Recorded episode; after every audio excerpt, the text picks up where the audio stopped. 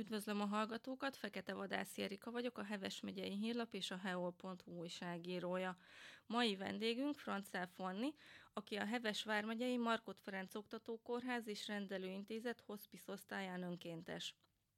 Egy családi veszteség ösztönözte arra, hogy jelenkezzen önkéntesnek, Üdvözlőlek, Fanni, köszönöm, hogy elfogadtad a meghívásunkat. Elmesélnéd kérlek ezt a történetet, hogy mi is vezetett oda, hogy az EGRI kórházban kezdj el önkénteskedni?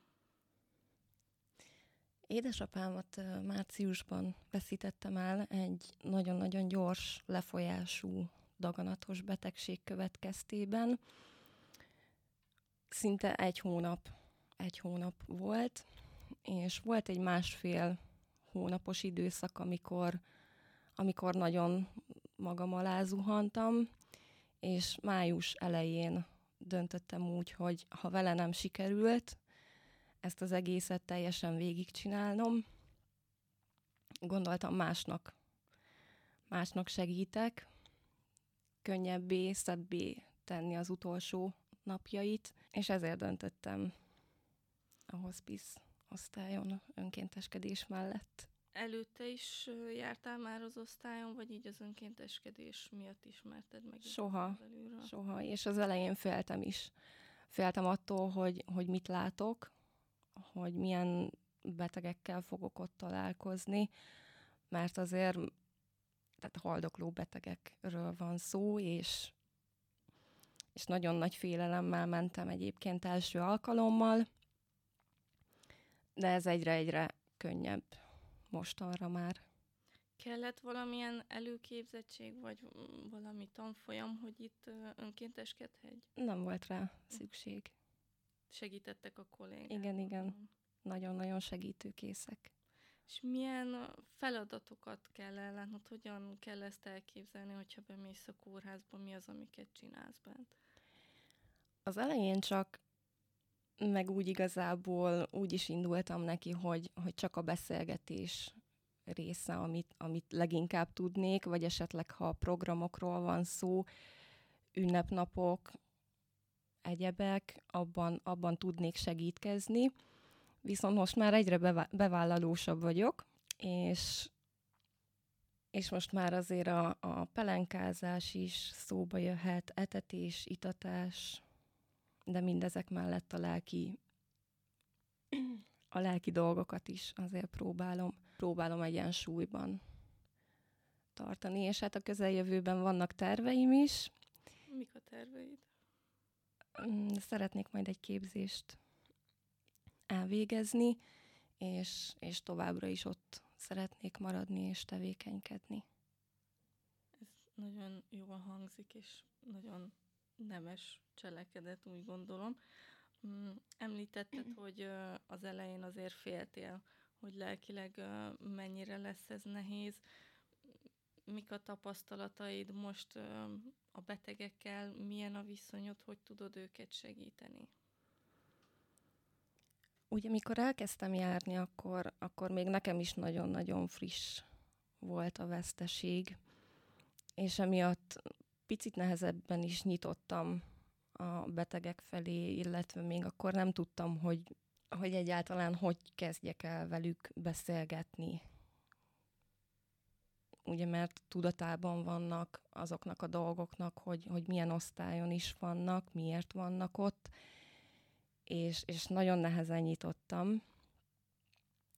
Aztán egyre többet beszélgettem, egyre több beteggel, akik már így jobban befogadtak, és többet kezdtek el mesélni magukról, meg az életükről, az, az nagyon felemelt engem is lelkileg.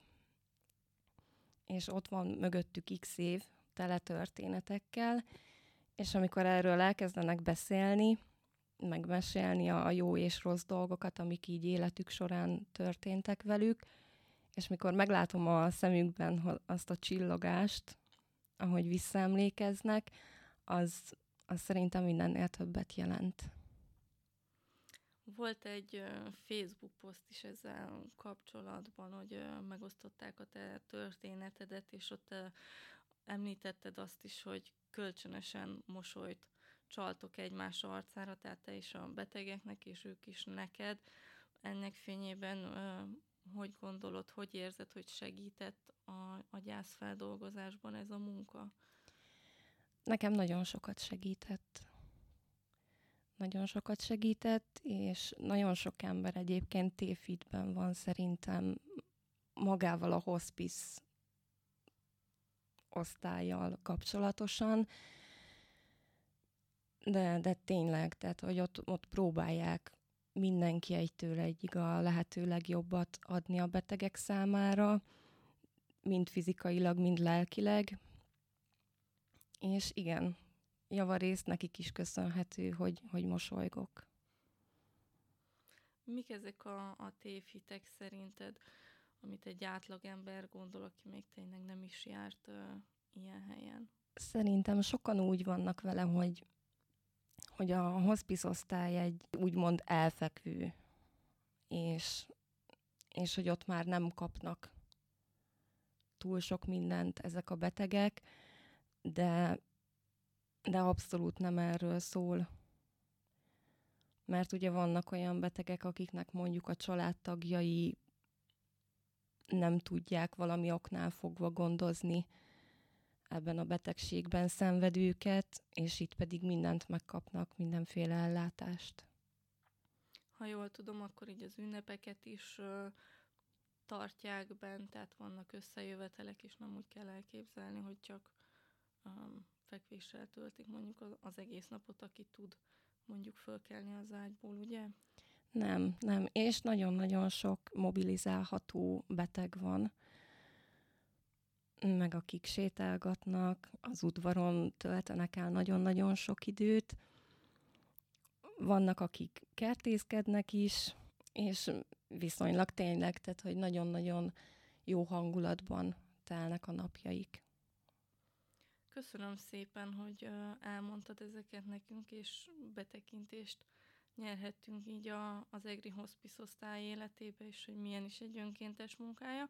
A hallgatóknak is köszönjük a figyelmet, és várjuk majd a következő adásunkra is őket.